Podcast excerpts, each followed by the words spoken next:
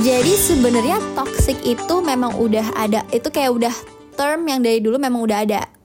Cuma uh, karena uh, jenis toksiknya mungkin sekarang tuh lebih berbeda daripada dulu gitu kan. Karena yang tadi lu bilang sekarang udah ada teknologi di mana toksiknya tuh bisa semakin bervariasi, jadi ngestokin gitu-gitu kan, nyari tahu lokasi di mana uh, pacar kita kayak gitu-gitu sih. Jadi sebenarnya toksik itu udah ada dari dulu, cuma mungkin sekarang uh, bentuknya lebih bervariasi aja. Ini ini menarik banget. Santi Santi bisa ngasih contoh konkretnya nggak? Maksudnya toxic toxic yang seperti dulu itu seperti apa kan? Kita nggak kebayang mana tahu Santi pernah ada ini. Karena karena okay. karena karena gini pas kita uh -uh. kita kebayangnya dulu itu kan teknologi nggak ada kita kita masih uh, gua dan Yuda itu masih ngiranya toxic itu sebenarnya ya karena baru-baru ini aja ada karena nge-stalking bisa tahu mm -hmm. lokasi bisa okay. uh, ibaratnya untuk untuk posesif itu sangat mudah karena komunikasi itu kan tidak ada batas ya. Saat, nah, sedangkan ini, zaman, zaman dulu, iya benar. Iya, sedangkan zaman dulu itu kan surat-suratan, mm -mm. terus uh, ketemu mm -mm. aja susah. Nah, gimana sih dulu itu mm -mm. toksik itu sebenarnya udah ada tuh gimana? Oke. Okay. Hmm. Uh, jadi emang yang tadi kalian sebutin kayak apa namanya hmm. posesif karena sekarang gampang untuk komunikasi itu emang salah satu bentuk dari toxic relationship gitu. Jadi hmm, uh, sebenarnya sekarang ya di mm zaman sekarang. Di ya? zaman ya. sekarang. Ya. Tapi hmm. posesif hmm. pun juga bisa terjadi zaman dulu gitu kan. Ya. Walaupun nggak ada komunikasi. Jadi mungkin kita bisa bahas dulu kali ya. Uh, toxic itu toxic relationship itu seperti apa sih? Gimana? Oke. Okay. Hmm. Hmm, uh, jadi uh, toxic relationship itu sebenarnya uh, hubungan antara dua orang yang uh, tidak sehat gitu. Jadi mm -hmm. uh, toxic itu bisa pokoknya udah dikatakan toxic ketika sudah menyakiti uh, fisik ataupun mental kita. Jadi fisik pun itu juga dikatakan toxic misalnya, oh, iya ya, kan? KDRT ya, nah, KDRT. Uh, kayak gitu. Iya, iya. Jadi nggak melulu hmm. karena kalau sekarang uh, teknologi gitu kan. Toh dulu juga nggak ada teknologi tapi orang juga bisa uh, ada toxic relationship kayak tadi misalnya lo bilang KDRT itu ah, contohnya. Iya, iya. Oh, paham paham. Nah, uh, case-nya gini kalau misalnya tadi kan oke okay, zaman dulu. Nah, misalnya kondisinya apakah ini disebut toxic sih? Kan tadi ada kalau Santi bilang kan fisik ataupun mental ya. Mm -mm. Nah, sedangkan sebenarnya kalau misalnya gini contohnya uh, dia sebenarnya untuk menjalan pasangan sekarang itu dia tidak ada insecurity antara maksudnya stalking stalking lokasi lokasi apa pun mm -hmm. proses itu nggak ada jadi kan okay. uh, eh, toxic definisi sekarang tuh udah nggak ada lah gitu mm -hmm. zaman dulu tapi tidak juga kekerasan juga nggak ada gini-gini tapi ternyata dalam suatu hubungan itu misalnya uh, dia sebenarnya udah merasa adanya ketidakcocokan Mm-mm. Tapi si orang ini mungkin merasa uh, empatinya atau merasa ketidakenakannya apa pun itulah namanya Mm-mm. sehingga dia tidak mau tidak berani untuk menyatakan untuk mengakhiri hubungan. Apakah itu sebenarnya toksik gak sih? Sebenarnya karena karena kan kalau fisik enggak, mental pun juga. Nah, mental ini masih nggak tahu nih. Kalau gue nggak tahu. Nah, bisa dijelasin nggak? Nah, kalau kayak gitu tuh berhubungan sama self esteem diri kita sendiri nggak sih San? Oke, okay, untuk bisa dikatakan itu toxic atau tidak itu uh, tergantung ter, balik lagi tergantung uh, ke diri masing-masing gitu kan. Apakah uh, ada efek-efek negatif ketika uh, lo punya rasa kasihan sama si pasangan lo itu? yeah. ke diri lo sendiri apakah itu ada perasaan apa ada efek negatif misalnya kalau kasihan jadinya lo tetap uh, mempertahankan hubungan padahal lo nggak sayang jadinya lo kayak jadinya nggak uh, hmm. nggak menikmati hubungan. Terus lo juga di hubungannya juga mungkin ada ada apa namanya cara lo memperlakukan dia juga nggak tidak semestinya. Maksudnya beda kan pasti uh, ketika lagi jatuh cinta dan tidak jatuh cinta. Nah ketika itu terus-terusan berlaku apa maksudnya terus-terusan dijalanin tapi sebenarnya di hubungannya Ya. juga udah nggak ada spark itu kan nanti mungkin bisa eh, merembet ke hal-hal lain misalnya lo secara emosional nggak available buat dia lagi gitu Oh iya iya. Jadi sebenarnya tidak Ya. langsung yang disebutkan mental dan fisik, tapi sebenarnya kalau di di dikembangin kembangin kembangin lagi itu sebenarnya itu masuk ke toxic ya hitungannya. selama itu tidak membuat lo nyaman Hmm. itu iya Ah mental ya. Berarti mental itu tetap masih ada kena di mentalnya itu ya. betul Kalau gue sedikit nyimpulin berarti ketika kita merasa ada sesuatu yang salah eh, di hubungan kita yang membuat kita tidak merasa menjadi diri kita atau merasa tidak nyaman atau berubah Mm.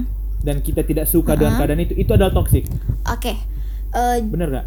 eh, gini itu bisa disebut toxic tapi bisa juga enggak karena yang namanya hubungan itu pasti akan ada masalah dan akan ada rasa ketidaknyamanan ya kan Oke. Mhm. Eh, cuma Jadi jadi koridor batasnya di mana nih San? Oke, gim- eh, gimana kalau gue coba kasih tahu nih ciri-ciri toxic tuh kayak apa sih gitu? Benar, ini yang kita tunggu-tunggu. Nah itu. Oke. Boleh boleh gimana gimana. Jadi gini, eh sebenarnya kan toxic relationship itu bisa dibilang lawan kata dari pacaran sehat, ya kan?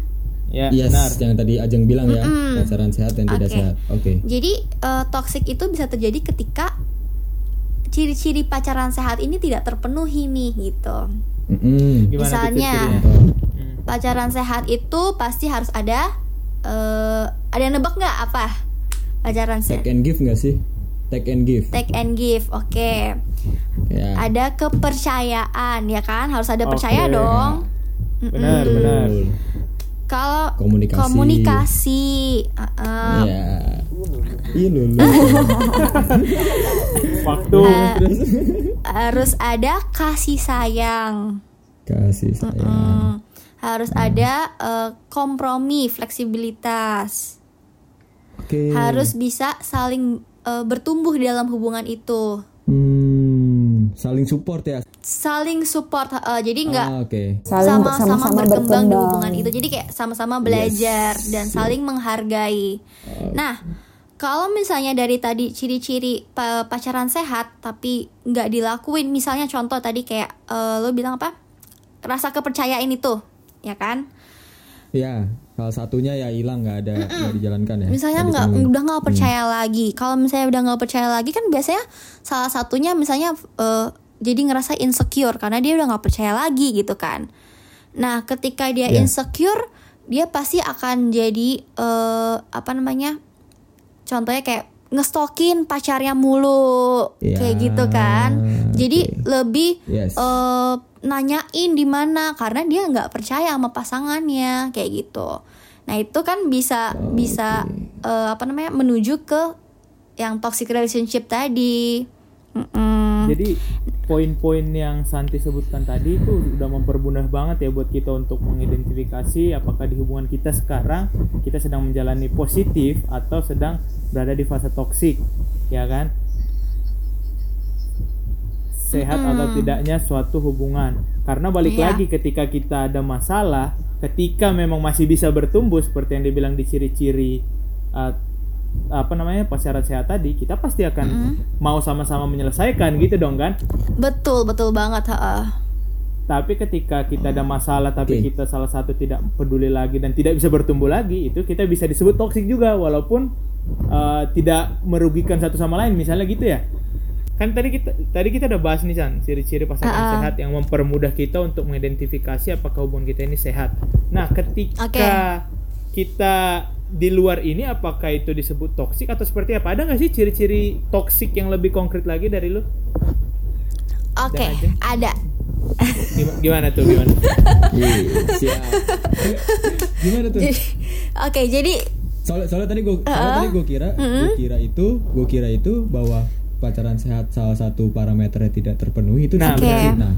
Cuman kan cuman kan kayaknya masih abstrak nih. Nah mungkin bisa didetailin lagi. Sebenarnya kalau toxic itu Oke, sebenarnya gimana sih? jadi eh tadi kan udah juga sempat disinggung ya kalau misalnya toxic relationship itu har- eh, apa namanya ketika hubungannya itu sudah menyakiti fisik ataupun mental gitu kan.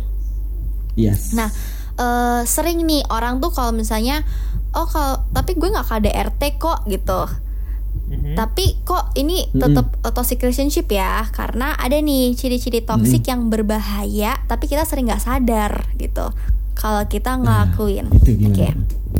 Jadi yang pertama itu adalah ketika kita ada pembunuhan karakter. Bahasanya gitu banget ya. Nah, Pembunuhan da- da- karakter. dalam banget nih. Eh, nggak apa-apa. Eh, Berat ini dalam nah, banget. Pembunuhan karakter tuh, tuh. Nah, sebenarnya pembunuhan karakter Oke. tuh gimana sih? Pembunuhan definisi pembunuhan karakter dalam suatu Oke, hubungan. jadi eh sebenarnya sederhana aja sih. Jadi gini, misalnya ada orang pacaran, cewek sama cowok gitu. Terus misal I- iya, cowok sama cowok. Oke. Misalnya A sama B deh ya gitu. Terus si A-nya eh, suka sebenarnya bercanda doang, suka kayak eh, biasa kan kalau di hubungan pacaran kan suka bercanda kayak eh gendut lo gitu. Eh ini si gendut kayak gitu-gitu. Iya. Sebenarnya dia nggak mau dia ngatainnya tuh karena bercanda karena mungkin hu- eh, bentuk Yes. badan pa- eh, pacarnya itu memang sedikit besar gitu. Tapi karena Hmm. ini kayak pengen bercanda aja, bikin suasana itu dia suka ngatain gendut, tapi itu berkali-kali ini ceritanya. Nah, Iya. eh, sebenarnya kan nggak ada maksud jelek nih ya kan untuk ngatain dia gendut, cuma kan kita nggak tahu apa yang dirasakan pasangan kita kalau kita nggak pernah nanya. Misalnya kita suka ngatain tapi kita nggak pernah nanya sebenarnya tuh kamu seneng nggak sih dikatain kayak gitu? Karena Mhm. siapa Hmm. tahu ketika kita ngatain eh gendut gendut gendut sayangku gitu kan cerita ada unyu unyunya gitu gendut sayangku Mung- mungkin sebenarnya eh, dia itu insecure sama bentuk badannya Oh. yang eh, apa namanya mungkin dia insecure dan dia tuh sebenarnya eh, juga pingin banget kuru apa lebih kecil lagi badannya cuma nggak bisa jadinya dia mungkin ngelakuin hal-hal lain yang eh, apa misalnya kayak diet yang apa berlebihan yang sampai tahu nggak sih yang kayak anoreksia apa kayak berusaha untuk muntahin muntahin tahu. gitu Benar. Iya, nah iya. itu kan udah nggak sehat Mm. kan sebenarnya itu bisa bisa Hmm, apa namanya oke. itu pembunuhan karakter jadi kayak eh, sebenarnya maksudnya bercanda cuma nggak pernah nanya perasaan ke pasangan kita yang sebenarnya itu eh, sangat apa namanya sangat dia ituin sangat berat dia dengernya sebenarnya kayak Yes, gitu yes. Ya. Ah, terus terus ah, ada lagi? apa jeng yang kedua kamu dong jeng Yang kedua itu jadi terlalu mengontrol pasangan. Nah ini bisa nih yang waktu tadi Jason sama Yuda bilang, misalnya jadi eh, cari tahu lah dia di mana, terus mungkin sampai eh, pasang GPS di HP-nya terus sampai ngeliat eh, dia lagi di mana, jadi nggak percaya sama orang eh, sama si pasangan itu kayak gitu. Itu juga juga bisa menjurus menjadi suatu toxic Oke, relationship. jadi over over control ya, over over kepo ya. nah bener terlalu ya terlalu ngontrol si pasangan. Nah, terus jealous tapi ditunjukin juga dengan pasif agresif. Maksudnya gimana tuh, San? Gimana tuh pasif agresif? Berat banget tuh ya. gini jadi gini sebenarnya jealous itu normal loh kita kalau misalnya di dalam hubungan pernah nggak sih kalian ngerasa jealous jealous kayak Pasti gitu dong, kan Pasti, pasti. Iya, pasti.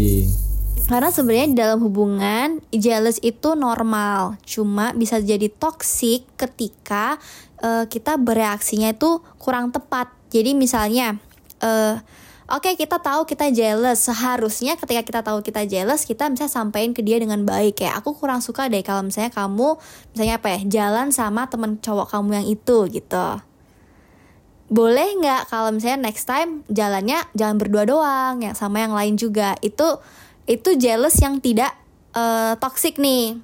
Karena ada komunikasi gitu kan tadi ada yang kunci komunikasinya. Cuma ketika itu bisa dikatakan toxic ketika jealousnya ditunjukkan dengan pasif agresif jadi misalnya eh, dia jealous habis itu jadinya dia kayak eh, ngambek terus jadi kayak mera- apa membuat pasangannya bersalah terus tanpa dibilang apa sih salahnya kayak gitu Ini ini biasa cewek banget sih kayaknya nih.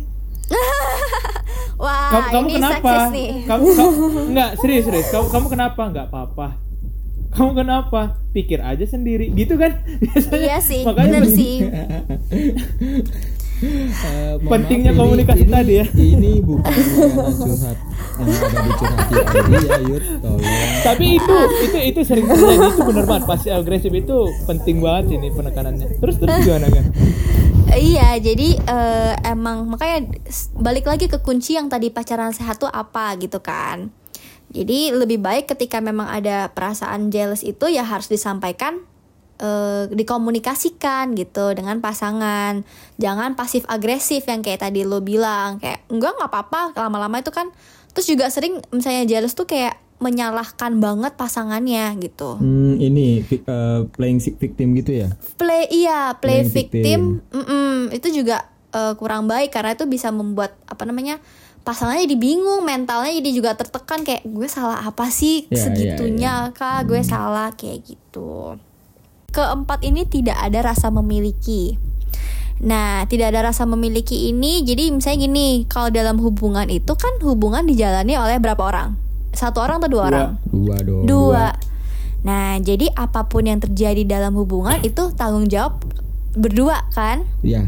Benar. Nah, ketika kita ada salah satu nih yang udah merasa dia tuh udah nggak udah nggak suka dalam hubungan ini, terus dia udah tidak ada rasa memiliki. Jadi ketika misalnya masalah eh, dalam hubungan ini ada masalah, dia akan ciri-cirinya tuh akan lepas tanggung jawab gitu. Dan jadi menyalahkan pasangannya. Jadi kayak semua masalahnya itu karena pasangannya bukan ada dianya. Ngerti nggak? Yes, Benar. paham. Benar. Jadi jadi acuh ya, acuh tapi Acuh, dia merasa ada masalah itu salah dia kok begitu begini dia dia begitu ke gua gitu kan. Ya Hmm. oh ternyata padahal memang ini efek uh, timbal balik ya, baik itu kita maupun uh, apa pasangan kita karena ini interaksi tadi ya penekanan. Iya bener. Inti, intinya gitu. intinya intinya sebenarnya kesalahan ini ya hasil dari kedua belah pihak. Jadi kita tidak bisa menyalahkan ya. Ada efek aksi dan reaksi lah di, di antara itu sehingga sebenarnya toksik ini tidak bisa kita langsung sudutkan si A doang nih. Tapi sebenarnya ada hubungan mungkin B pernah ngalamin melakukan A, A itu akan menjadi bereaksi seperti itu ataupun sebaliknya kayak gitu ya. Betul, betul banget. Ah, Jadi sebenarnya kalau misalnya kita ada masalah dalam hubungan, mungkin nih Hmm. eh, apa pasangan kita yang mungkin akan lebih dominan bersalah gitu misalnya. Iya, ah. Cuma kita nggak bisa eh, sepenuhnya menyalahkan Yes, dia dan ya. akhirnya lepas tanggung jawab gitu aja. Ya. Gitu. Ah, nah itu sebenarnya tadi lima tadi tuh apa? Coba diulang lagi. Ada satu lagi nih, Aduh salah gue. Gue sendiri. satu lagi itu membawa situasi negatif terlalu lama. Jadi misalnya nih kita marah sama pasangan Ya. kita, tapi kita nggak komunikasiin hal itu, terus misalnya jadi ngambek terus, atau bisa juga eh, kita eh, ada suatu perasaan kecewa, terus ngambek misalnya, terus kita tapi ngungkit-ngungkit masalah itu terus. Nah kan jadinya situasinya jadi nggak enak terus kan di hubungan.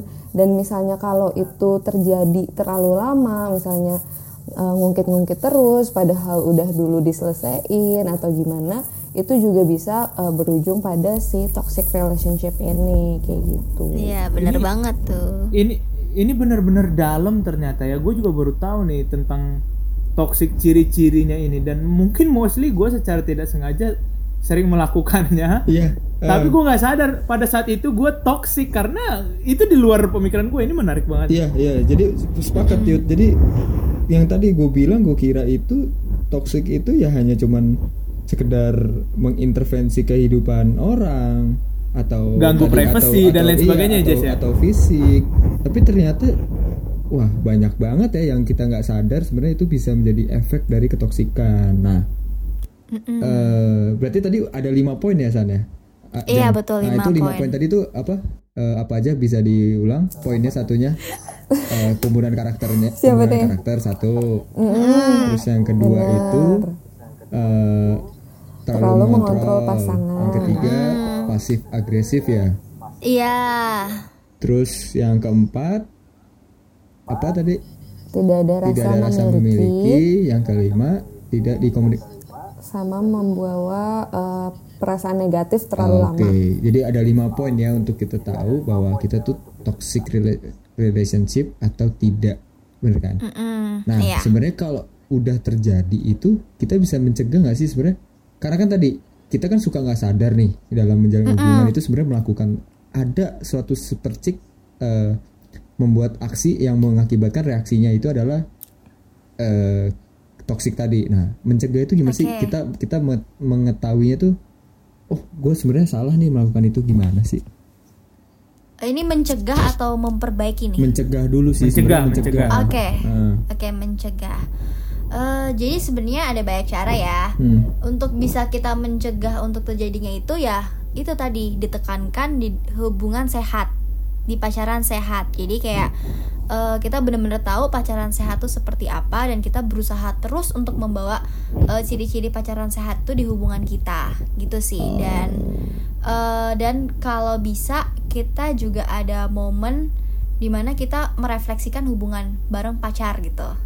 Oh, Jadi saling- dibicarain. ada ada semacam deep talk untuk eh, ibaratnya mengevaluasi eh, pas hubungan kedua pasangan itu eh ke antar orang ini ya. Mm-mm. Oh, Karena deep talk itu penting loh. yes, Apalagi yes. kalau ke pasangan, ya Yes, kan? betul betul sepakat sepakat. baik Nah. itu untuk memperbaiki hubungan maupun untuk merencanakan ke depan yang lebih baik lagi kan terkait hubungan itu ya. Iya betul banget. Heeh. Nah, se- sebenarnya baik lagi tadi kalau misalnya sudah tercemplung nih, tercemplung ke toxic relationship, itu bisa diselamatin nggak sih?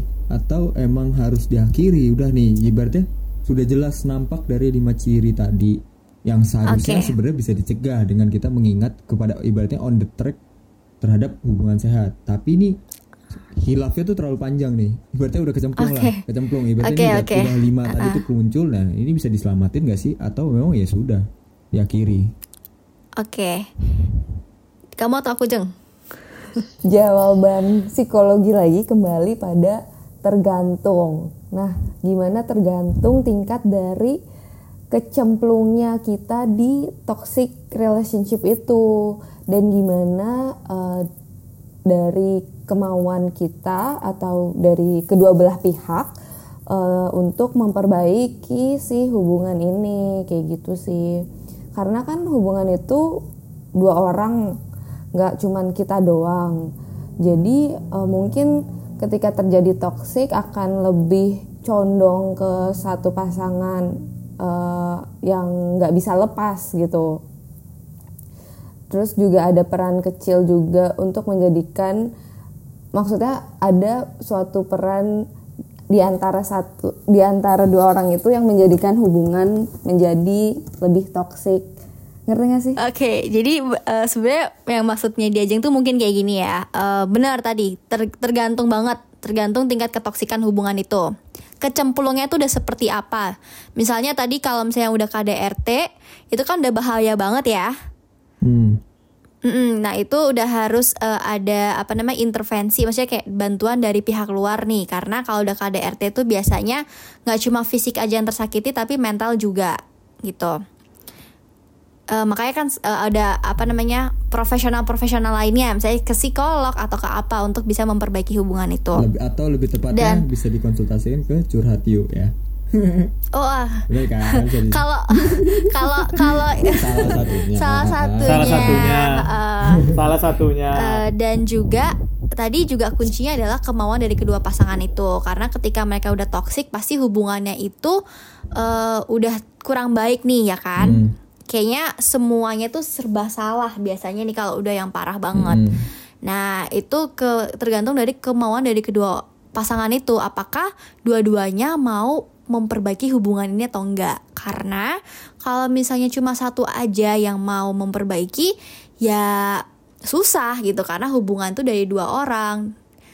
Tapi kalau misalnya dua-duanya kayak oke yuk kita eh, apa namanya perbaikin sama-sama kemauannya dua-duanya kuat bisa itu untuk diubah apa maksudnya eh, hubungan itu bisa untuk kembali sehat tapi butuh kerja keras dari kedua belah pihak sih kayak gitu. Oke, jadi kemampuan kita untuk mengenali sudah sejauh mana hubungan kita, ketoksikannya seperti apa, ya kan? Dan kembali ke kita masih mau atau enggak nih menyelamatkan, ya kan? Tetapi kalau kalau Iya. memang sudah tak terselamatkan lagi, ya kita juga harus berani untuk mengakhiri karena ya enggak? Karena banyak Uh-uh. orang yang memang sudah sadar dia di toxic tapi masih susah untuk mengambil keputusan ya kan itu ada Iya, tips nggak uh-uh. dari kalian untuk terkait ini Oh oke. Untuk eh, kayak keluar dari toxic relationship nih ya. benar. Jadi untuk keluar itu emang nggak mudah ya. Untuk keluar dari toxic relationship itu nggak mudah karena mungkin udah terlarut atau pasti akan ada banyak alasan nih yang eh, apa namanya yang dijadikan alasan untuk terus tetap bertahan gitu kan. Nah, yang yang perlu pertama kali dilakukan ketika emang udah merasa ini tuh aku pengen banget keluar. Jadi pertama harus ada kemauan nih, kemauan dari dalam diri untuk keluar dari hubungan itu. Nah, kedua, kalau misalnya emang itu sulit, itu bisa dikonsultasikan. eh, kita tuh butuh teman cerita ke orang yang terpercaya, bisa ke teman, ke sahabat, ke orang tua, atau kalau misalnya emang butuh, iya, ke perlu bantuan profesional tuh ke psikolog juga boleh kayak gitu. Karena eh, ketika emang udah terlarut di dalam hubungan toksik itu emang susah, sulit untuk keluar. Jadi eh, kita perlu perlu mencurahkan eh, apa pikiran kita untuk kasih tahu nih bener gak sih sebenarnya kita tuh perlu keluar dari hubungan ini gitu jadi kayak jadi supaya dapat dukungan juga dari luar untuk yuk eh, keluar dari hubungan toksik itu kayak gitu gitu sih. Jadi eh, harus ada kemauan dan juga ada support. ap- ada support ini ya eh, jadi kembali ke kita semua, kita yang menjalani hubungan itu, kedewasaan kita sangat dituntut memang dalam hubungan dan kerjasama antara kita dan pasangan untuk eh, apa membangun kembali atau memang harus diakhiri. Nah, ke- ketika hubungan itu berakhir, ya kan, ketika hubungan bera- itu berakhir, mau itu kita yang mengakhiri, mau itu kita ditinggalkan, tentu nggak mudah dong bagi kita, ya kan? Ini adalah hal yang berat bagi kita. iya Perlu namanya move on, ya kan? Move on. Nah, untuk move on itu sendiri gimana sih arti dari oke. move on itu sendiri?